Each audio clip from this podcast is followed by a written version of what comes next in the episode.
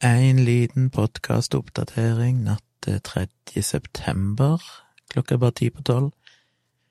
I går la jeg meg ganske tidlig, og sto opp tidlig, og det tenkte jeg å gjøre i dag òg, for det store paradokset, ikke et paradoks, men alle kjenner seg vel kanskje igjen i det, eller mange gjør det iallfall, det er jo at som ekstremt B-menneske så er det alltid litt euforisk de gangene jeg legger meg tidlig og står opp tidlig, for da føler jeg meg utrolig eh, voksen, kanskje, eller eh, accomplished, hva heter det på norsk? Det føles iallfall veldig bra, så det er jeg en plan om å gjøre. Så derfor spiller jeg inn podkast nå.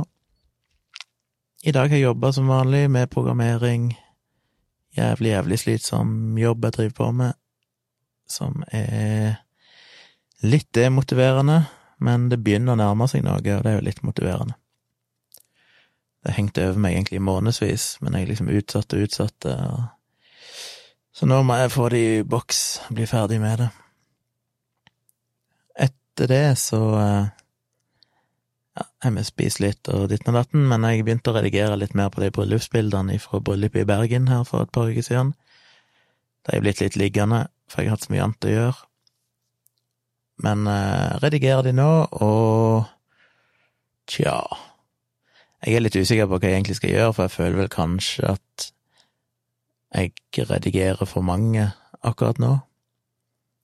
Jeg er litt usikker på hvor mange bilder jeg egentlig skal levere. Eh, for det finnes flere alternativer. Enten så kan jeg jo legge alle bildene ut, de jeg velger ut, som er litt over Opprinnelig var det vel litt over 400 bilder. Men så har jeg bare lukt ut noen nå, for jeg bare tenker sånn, nei, For min egen del så er ikke det så interessant. Det er mange bilder av folk som sitter i kirka og sånn, og jeg er litt usikker på om det Det er jo ikke noe jeg kommer til å bruke i portfolioen min, så det kommer jo litt an på om de forventer at jeg skal levere de bildene. Jeg tenkte jo først ikke skulle det, men når jeg tenker på det nå, så tenker jeg shit, jeg burde kanskje ha tatt med de bildene likevel. Ja, får se på det. Men det tar jo jækla lang tid. Det er jo det som er problemet med bryllup, at du tar jo tok jo nesten et par tusen bilder, og jeg sitter igjen med en fjerdedel av de, omtrent og det er fortsatt mange bilder. Og jeg redigerer de nok litt for mye, kanskje. Jeg har jo sett på Det er jo en fotograf, bryllupsfotograf på YouTube som heter Taylor Jackson. Eh, han er vel canadier, som merkelig nok nesten alle youtubere er. Helt fascinerende hvor mange youtubere jeg ser på, og så oppdager jeg alltid at de er fra Canada, og veldig mange av de kjenner hverandre. Så det er et eller annet med Canada og YouTube. Men øh, han er veldig ettertrakta. Han gjør vel en 60 bryllup i året eller noe sånt, normalt. Og har jo holdt på med dette såpass lenge at han har vel sikkert snart tatt bilder i 1000 bryllup eller noe sånt. Men han lager mye videoer. Uh, og han jobber jo veldig, veldig kjapt når han redigerer bilder. Han har jo lagt ut masse videoer der han sette en GoPro eller et eller annet på kamera, altså det finnes tonnevis av sånne videoer Det er en sånn full wedding day, selvfølgelig litt korta ned til, ja, de kan ofte være rundt en time, de videoene, men han basically, du bare følger og ser hvordan han jobber gjennom en helt, et helt bryllup, alltid fra forberedelser til vielse til parbilder til fest og sånn. Og så er det en del andre korter der han går mer inn på detaljer og sier hvordan han gjør forskjellige ting, hvordan han poser par til parbilder, for eksempel, eller og en del tekniske videoer som handler om utstyr og sånn. Men han har jo òg lagt ut noen videoer der han redigerer bildene han tar, og han gjør det jo lynkjapt, for han gjør nesten ingenting med bildene, det er bare sånn bom, bom, bom, bitte små justeringer på hvert bilde. Og det krever jo baller. Da må du på en måte bare stole på at bildene er er bra, og han er jo så erfaren at han sine bilder i utgangspunktet, da tenker jeg ikke nødvendigvis bare komposisjon og sånn, men òg bare innstillingene, at han vet på en måte hvordan bildene Hvordan settings han skal ha for å få bildene mest mulig like, uavhengig av lysforhold og sånn, sånn at det blir minst mulig å redigere i ettertid. Jeg hadde jo satt feil hvitbalanse på det ene kameraet da jeg var i kirka, Um, og det så jeg jo når jeg satt i kirka, for jeg hadde to kamera på meg, en med 85 millimeter og en med 35 millimeter. Og når jeg så gjennom 35, var det vel, så så bildet så nydelig ut. Det var så varmt og glødende og fint. Mens i det andre så var det mer sånn flatt og kjedelig. Men det var det andre som var korrekt, det som var flatt og kjedelig. For det hadde jeg jo satt til å tilsvare lys inne i kirka. Uh, mens det 35-meteren som så så varm og deilig ut, når jeg henter de inn nå, så er jo de altfor gule. For de hadde jo satt på feil innstilling, så de var innstilt på utendørslys eller sollys. Og inne er jo lyset mye, mye gulere enn det sollyset er mye varmere. Det er ingen praktisk betydning, for når du tar bilder i raw-format, så er jo det Hvitbalansen er jo bare en innstilling, det er jo ingenting å si på bildet, du kan alltid endre det i ettertid. Men det er litt mer jobb, for da må du justere hvitbalansen på alle, i tillegg til alt det andre du gjør. Så jeg kunne jo brukt eh, automatisk hvitbalanse, men eh, det Det er bra for så vidt hvis du Det kan være fordeler med det. Ulempen er at hvis du er inne i kirka, for eksempel, og lyset endrer seg litt fra sted til sted inne i kirka, så kan det av og til være lettere, mener han Taylor Jackson. Jeg er litt usikker på logikken i det, men han mener det er lettere å ha en fast hvitbalanse, for da kan du lettere justere mange bilder på en gang. Eh, og det er jo så vidt greit, hvis alle bildene er omtrent like, og du finner ut at alle skal være litt varmere, så er det mye kjappere å gjøre det. Men hvis bildene varierer litt internt fordi at lyset endrer seg litt rundt forbi i det lokale du er, så er det jo like langt. Da hadde det nesten vært bedre brukt automatisk hvitbalanse, for da hadde du iallfall fått mer ja, noenlunde mer likt lys. Jeg vet ikke. Det er akkurat sånne ting jeg må lære. Å bli mer erfaren på å finne ut hvilken setting som gjør etterarbeidet kortest mulig, for det er jo mye av trikset her. Det er jo få bildene så bra du kan i kamera. Um, så jeg jobber litt med de, og jeg er jo bare kommet til Jeg har sittet i Jeg satt jo her en dag her for tidligere, og nå igjen i kveld. Jeg har jo bare kommet til tatt 80 bilder eller noe sånt. Så jeg har bare tatt en, knapt en fjerdedel av de jeg skal ha. Men jeg kommer sikkert til å luke ut noen flere bilder underveis. Jeg har jo allerede gått gjennom de en gang, som sagt, og luka de ned til rundt en fjerdedel.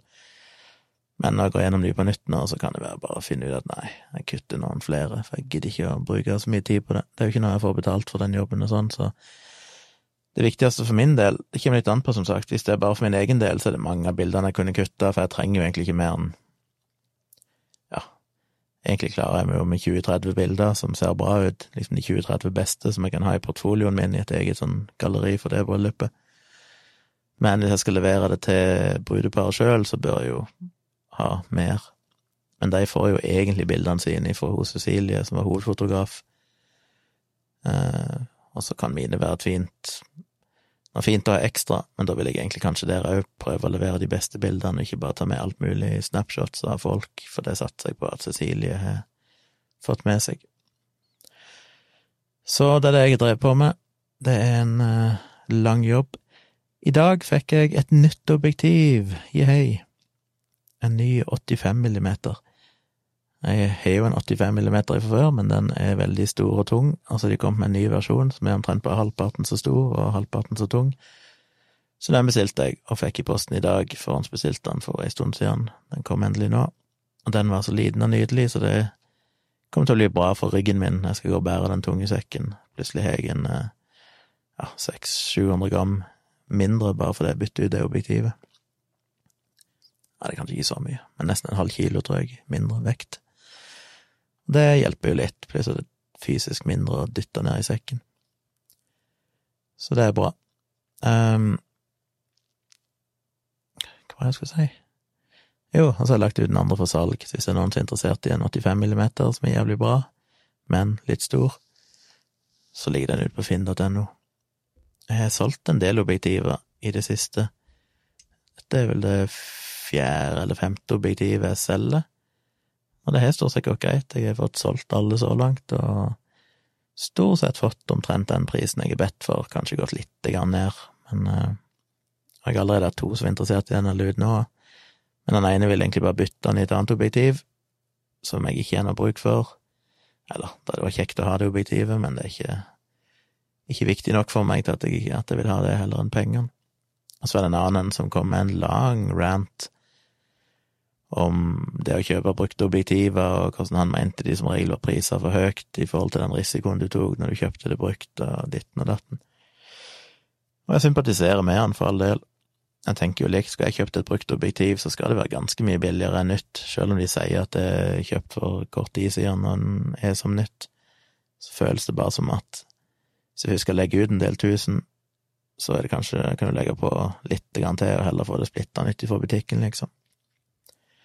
Så jeg skjønner argumentasjonen, men han kom med et bud som lå et par tusen under det jeg hadde lagt ut til, og det kan være jeg går for det hvis jeg ikke får noen andre bud, men inntil videre så venter jeg litt, for jeg har nettopp lagt den ut, og som regel har jeg fått noen som vil ha det til den prisen jeg legger det ut omtrent, så må ha litt is i magen og se. Så det er utbytteobjektiver, og det gjør meg varm om hjertet å få et objektiv, for det er kos. Jeg nevnte vel at jeg hadde lagt ut en annonse om å få modeller. Gjorde ikke det? Husker ikke nå. Tror jeg nevnte det.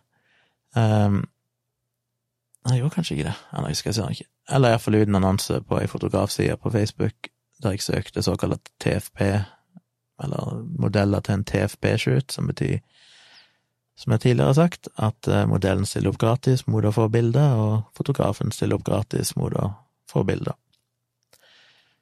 Så der sa jeg vel kanskje sist, hvis jeg nevnte at jeg hadde fått noen interesserte, men det er jo en balla på seg, så nå har det jo kommet så mange interesserte. Nå har jeg vel én, to, tre, fire, fem, seks, sju, åtte, ni, ti, elleve Tolv stykk. Ei av de er helt uaktuell.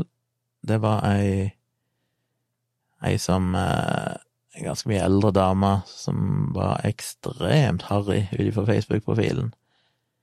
Du vet den typen eh, Facebook-profiler der alle profilbildene har et eller annet sånn overlay, en ramme på, eller et eller annet sånn, og er litt dårlig kvalitet og mye filter, og eh, med motorsykler og ja, veldig stor puppe i noen halvdårlige modellbilder var det tatt tidligere og sånn.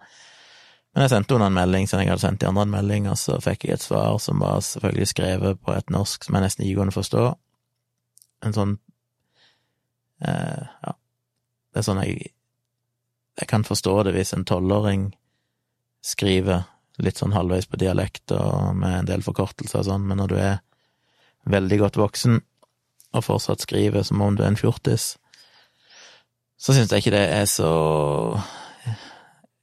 eh, Ja, det gir meg ikke noen gode vibber, for å si det sånn.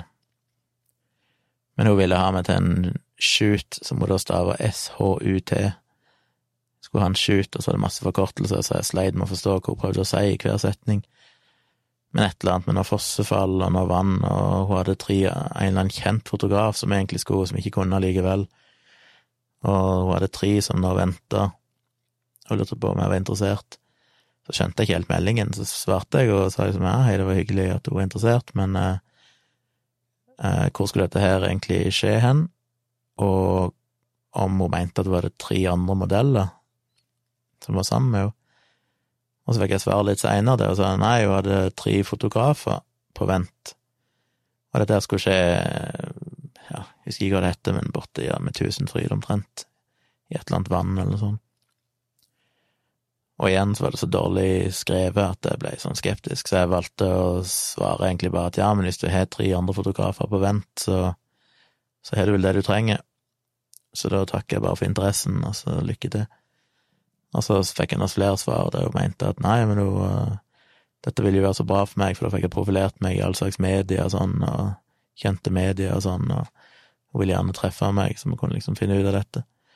Jeg gadd ikke svare på den, da hadde jeg allerede takka for meg. Og det er liksom typisk at hun åpenbart tror hun er så viktig at jeg kommer til å få en enorm eksponering i kjente medier, så tenker jeg herregud. Jeg har sett de bildene hun er på Facebook-profilen sin, jeg tror ikke det, disse bildene kommer på trykk nå plass.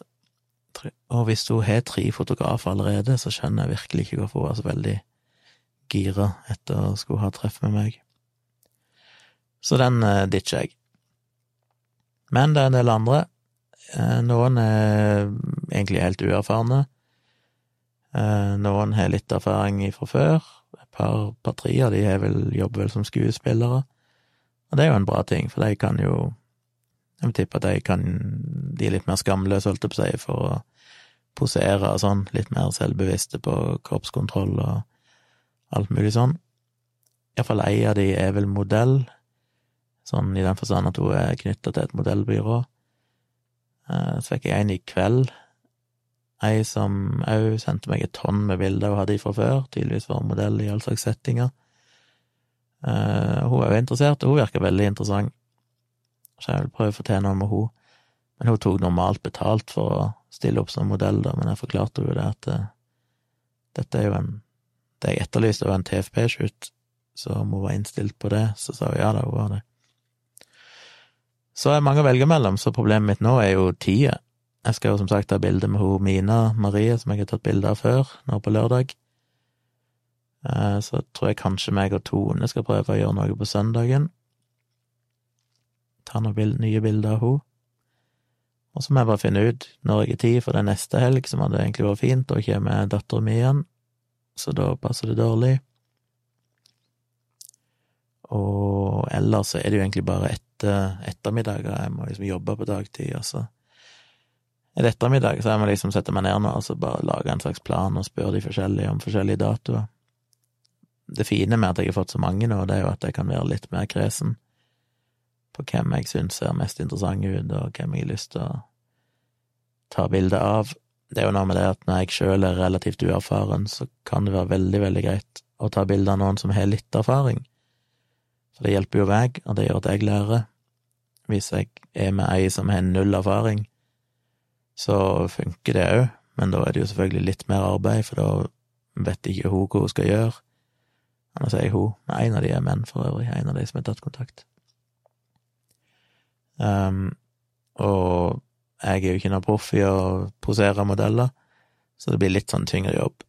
Så det å få litt gratis gjennom å ha noen som allerede har en del erfaring, det kommer godt med, for det er jo nok å tenke på i utgangspunktet når jeg er såpass uerfaren som jeg er.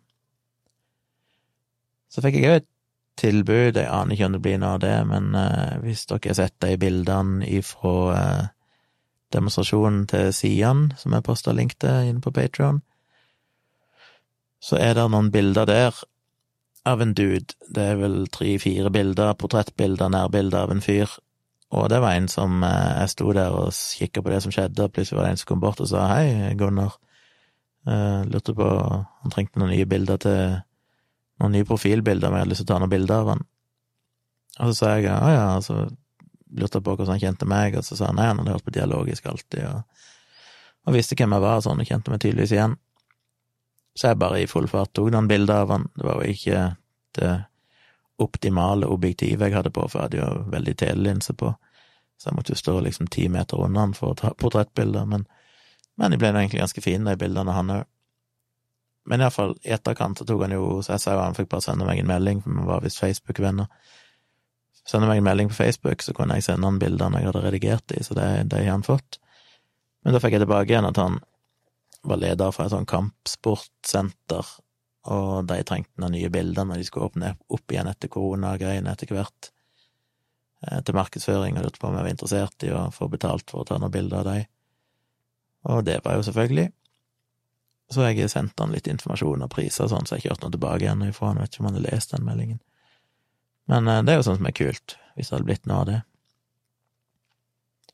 Ellers, mens jeg husker på det, så hvis det er noen som helst som skulle være interessert, så skal jeg være med i en podkast eh, neste onsdag. Eh, det er vel den niende september. En som heter Hallgeir Gustavsen, som jeg er kjent sånn bitte, eller på en nett bekjent i mange, mange, mange år. Bare kommuniserte med han så vidt det men jeg møtte han en gang på toget tilfeldigvis. For han er fra Stavanger, så tok vi begge Sørlandsbanen, tydeligvis, og prata bitte grann sammen da. Men uh, han uh, spurte meg Ja, jeg var jo forresten i podkast med han her i, ja, i mars-april, eller noe sånt. Han driver et eller annet selskap som jobber med noe markedsføring, og han driver mye med podkast og et eller annet. Og han intervjua meg en gang tidligere. Da snakket vi vel litt mer om meg og skeptisisme og sånne ting. Men han ville ha meg med nå igjen, for å snakke litt om egentlig Patrion, og hva som jobber med Patrion, og produsere innhold og alt dette her. Så det kan dere få med dere. Når podkasten er ute, så skal jeg selvfølgelig poste en link til den. Men jeg tror jo det går live, det gjorde det iallfall sist, han livestreama det. Så klokka to på neste onsdag så blir det en livestream, og jeg deler vel den på Facebook eller hvor det er, så hvis dere følger med, så kan dere eventuelt få med dere det live, om det skulle passe. Det gleder jeg meg litt til, for jeg liker å bli spurt om å være med i podkast. Det er så mye lettere, for da kan jeg bare svare på spørsmål og, uten å ha forberedelser og sånn, og det, det er ganske behagelig. Ellers så har jeg sittet i det siste og sett masse på Jeg elsker jo reaction-videoer. Dere fikk kanskje med dere de der to eh, svarte amerikanske guttene som drev og reacta hadde reacta på In the Air Tonight av Phil Collins. Og den gikk jo plutselig viralt der for et par-tre uker siden. Ja, egentlig tidligere enn det òg, kanskje, men ja, noe sånt. Ikke så lenge siden, iallfall. Så plutselig var den overalt, og så folk delte den på Facebook og Twitter, og de ble intervjua på diverse amerikanske TV-kanaler og sånn. Det var litt morsomt, for det er jo en av de reaction-kanalene jeg har sett en del på tidligere, så jeg visste jo for så vidt godt hvem de var. Eh, det er vel en, en håndfull som ofte går igjen, som reacter. Eh, og det syns jeg er gøy. Jeg elsker å se reaction-videoer av sanger som jeg kjenner. Jeg gidder aldri ikke noe som jeg ikke kjenner, men det er kun hvis jeg ser de reacter på ei sang som jeg òg liker fra før, så er det gøy å se hva de syns om han. Og det fascinerende med de, de to brødrene, for de er to brødre, er jo hvor lite musikk de har hørt. Du kan ta de mest kjente hitene fra mitt liv, og alt er helt nytt for de. Og jeg vet ikke helt historien deres, men de sa liksom i en bisetning, hvis jeg ikke har tolka de feil, så mener jeg jeg tolka det som at de hadde vokst opp liksom i veldig sånn religiøs kirkesammenheng, og ikke engang hadde hatt mobiltelefon og sånn før de ble 18 år gamle. Så jeg tror kanskje de rett og slett bare har vært veldig skjerma fra populærmusikk, sånn at det faktisk er genuint når de nå ser disse videoene og aldri har sett de før. Så den der In the Air Tonight med Phil Collins gikk jo viralt, for det, de syntes jo sangen var bra, men når dette her trommebreaket kom etter tre minutter, et eller annet, så gikk det jo helt bananas, ikke sant, oi, shit. Og det syns jo alle gamliser var veldig gøy, vi som har hørt den sangen hele livet. Å se to unge folk som plutselig bare får bakoversveiser og hvor bra den sangen er. Så den gikk jo viralt, og jeg har sett mange andre, så det vil jeg anbefale. Sjekk ut reaction-videoer på YouTube, det er alltid gøy hvis dere er glad i musikk. Og er den typen som liker å spille musikk for andre, for det er litt det samme. Det er litt som når jeg elsker å spille musikk jeg liker for andre, og få folk til å høre på det. Og det får litt samme følelse når du ser reaction-videoer, for det er, sånn, det er liksom min sang. Denne sangen har jeg likt lenge, og nå skal noen andre se den for første gang. Og det er gøy å se. Men det jeg skal si, er at jeg har sett mye reaction-videoer på Dirty Loops. I en av mine første podkaster så snakket jeg litt om forskjellig musikk, og da snakket jeg om Dirty Loops, som jeg òg var på konsert med sammen med Tone i Fredrikstad her i 29. Eh, februar i år. Husker datoen fordi det var skuddårsdag eh, som er helt fantastisk. Tre svenske dudes som er kanskje noen av de flinkeste musikerne i verden, omtrent. Det er bare helt absurd hvor teknisk dyktige de er. Og så liker jeg musikken i tillegg. Det er sånn eh, mye sånn fusion, der de blander pop og jazz, men jo litt eh, Av og til hinter de gjennom litt mer danceaktig musikk og ja, mye forskjellig. Og de er som sagt covra en del Justin Bieber og Adele og en del sånne, som de coverer i en sånn veldig sånn jazza, funky versjoner. Men de kom jo med noen nye sanger her tidligere i år, og så de siste par månedene så har de sluppet noen sånne korte, små instrumentallåter på YouTube, der de bare sitter inne i et hus i ei stue, ser det ut til. Og det er vel to eller tre de har sluppet, der det bare er bassisten og trommisen. Og på den siste de slapp nå for ikke så lenge siden, så var jo vokalisten med, men han sang ikke, han spilte keyboard, for han er jo helt sinnssykt dyktig pianist i tillegg. Men de sangene er jo òg bare helt latterlig teknisk, ja, det er bare så helt ufattelig bra. Eh, og da er det gøy å se folk reacta på det, for det som aldri slår feil Det samme gjelder Snarky Puppy, som jeg har snakka om tidligere, som er et sånn jazzensemble, som er ekstremt teknisk dyktig. Det er så gøy å se folk reacte på Snarky Puppy og Dirty Loops, for det Spesielt hvis det er første gang de har hørt de. Hvis det er bare sånn ja, noen anbefalte at jeg skulle reacte på denne sangen av Dirty Loops, og bla, bla, og here we go. Og så bare ser du haga deres treffe bakken etter liksom 20 sekunder. Fordi, og hver eneste gang så er de bare sånn Dette her er Jeg vet ikke engang hva jeg så for noe, sier de. Dette er bare helt Nesten ikke mulig å prosessere det. Det er så ufattelig bra. Så folk blir bare lamslått, og det syns jeg er så tilfredsstillende å se. Så det har jeg sett en del på. Så syns det er litt fascinerende med Phil Collins, for det Jeg har jo snakka om det tidligere, da det var gøy å lage en form for reaction-videoer sjøl, men det som er så tricky med det, er jo at YouTube identifiserer musikken veldig ofte og blokkerer videoen. Ja, det kan skje mange ting, du kan blokkere hele videoen, eller så bare blokkerer de muligheten for å få reklameinntekter på han. eller så ender det opp med at du må dele reklameinntektene med artisten. Det finnes forskjellige varianter, men det virker så demotiverende å spille inn sånne videoer, så prøver du å laste de opp på YouTube, og så får du ikke vist de. Og det vet jeg jo, de her kjente youtuberne som driver og reacter hele tida. Det er jo masse deres videoer som blir sperra, av og til helt, og av og til blir de bare sperra i enkelte land, men de er tilgjengelige i andre land. Så det syns jeg har vært litt vanskelig. Og det er jo en interessant debatt, dette her med copyright og sånn. Eh, men det fascinerende med sånn som Phil Collins, In the Air Tonight, var jo at det er jo en sang som Ja, altså det er jo en klassiker, den lever jo fortsatt godt. Men etter at de to eh, guttene reacta på han, og den videoen gikk viralt, så gikk jo den sangen opp til Jeg vet ikke om det var førsteplass, men iallfall andreplass på iTunes si salgsliste. Fordi den fikk jo en ny renessanse. Den fikk en renessanse. Og det er liksom det, da, at det, det, akkurat i sånne tilfeller så ser jeg ikke helt at at artister har noe igjen for å stoppe det. Fordi de aller, aller fleste reaction-videoer så blir jo musikken pausa underveis opptil flere ganger, der den som reacter kommer med sine kommentarer og innspill. Og dermed er det jo ikke noen erstatning for å ha sangen.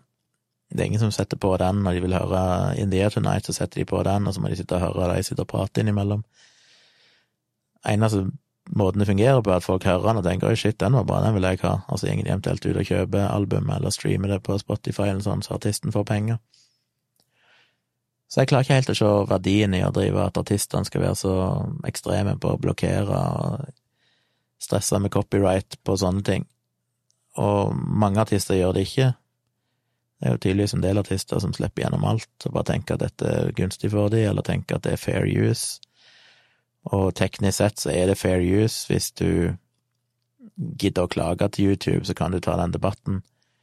Og hvis du innfrir visse kriterier, som at du for eksempel tilfører noe av verdi utover musikken, eh, som er selvfølgelig veldig sånn diffust, men eh, det er noen sånn grense for at hvis du tilfører en viss mengde verdi gjennom at du kommenterer det ditten og datten, så, så skal det liksom gå under sånn fair use-lovgivning.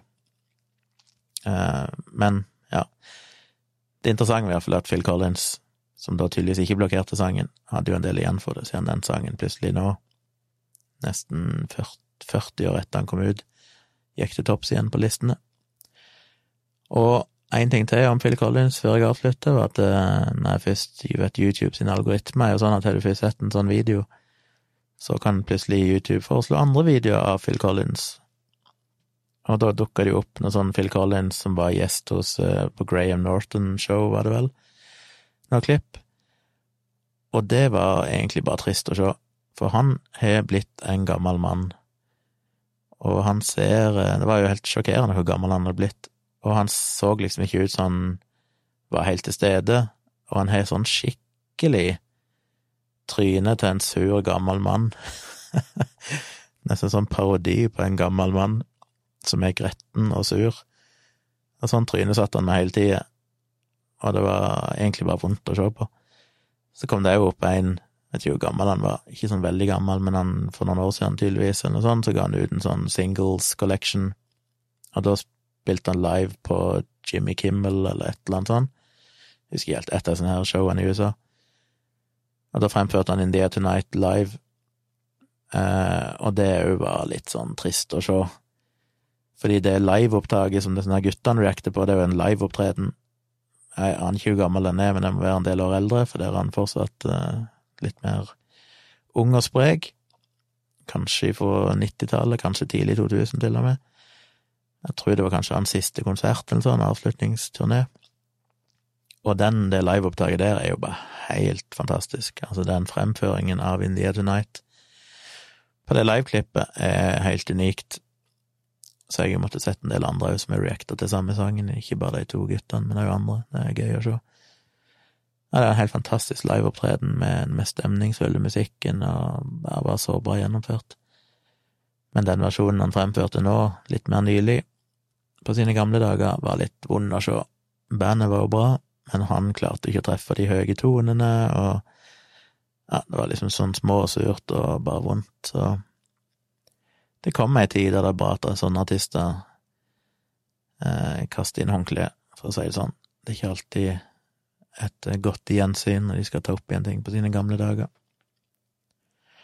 Men når det er sagt, så er jo Phil Collins og Genesis fantastisk musikk, så det er lenge siden jeg har hørt på det nå. Må kanskje dra det fram igjen for glemselen.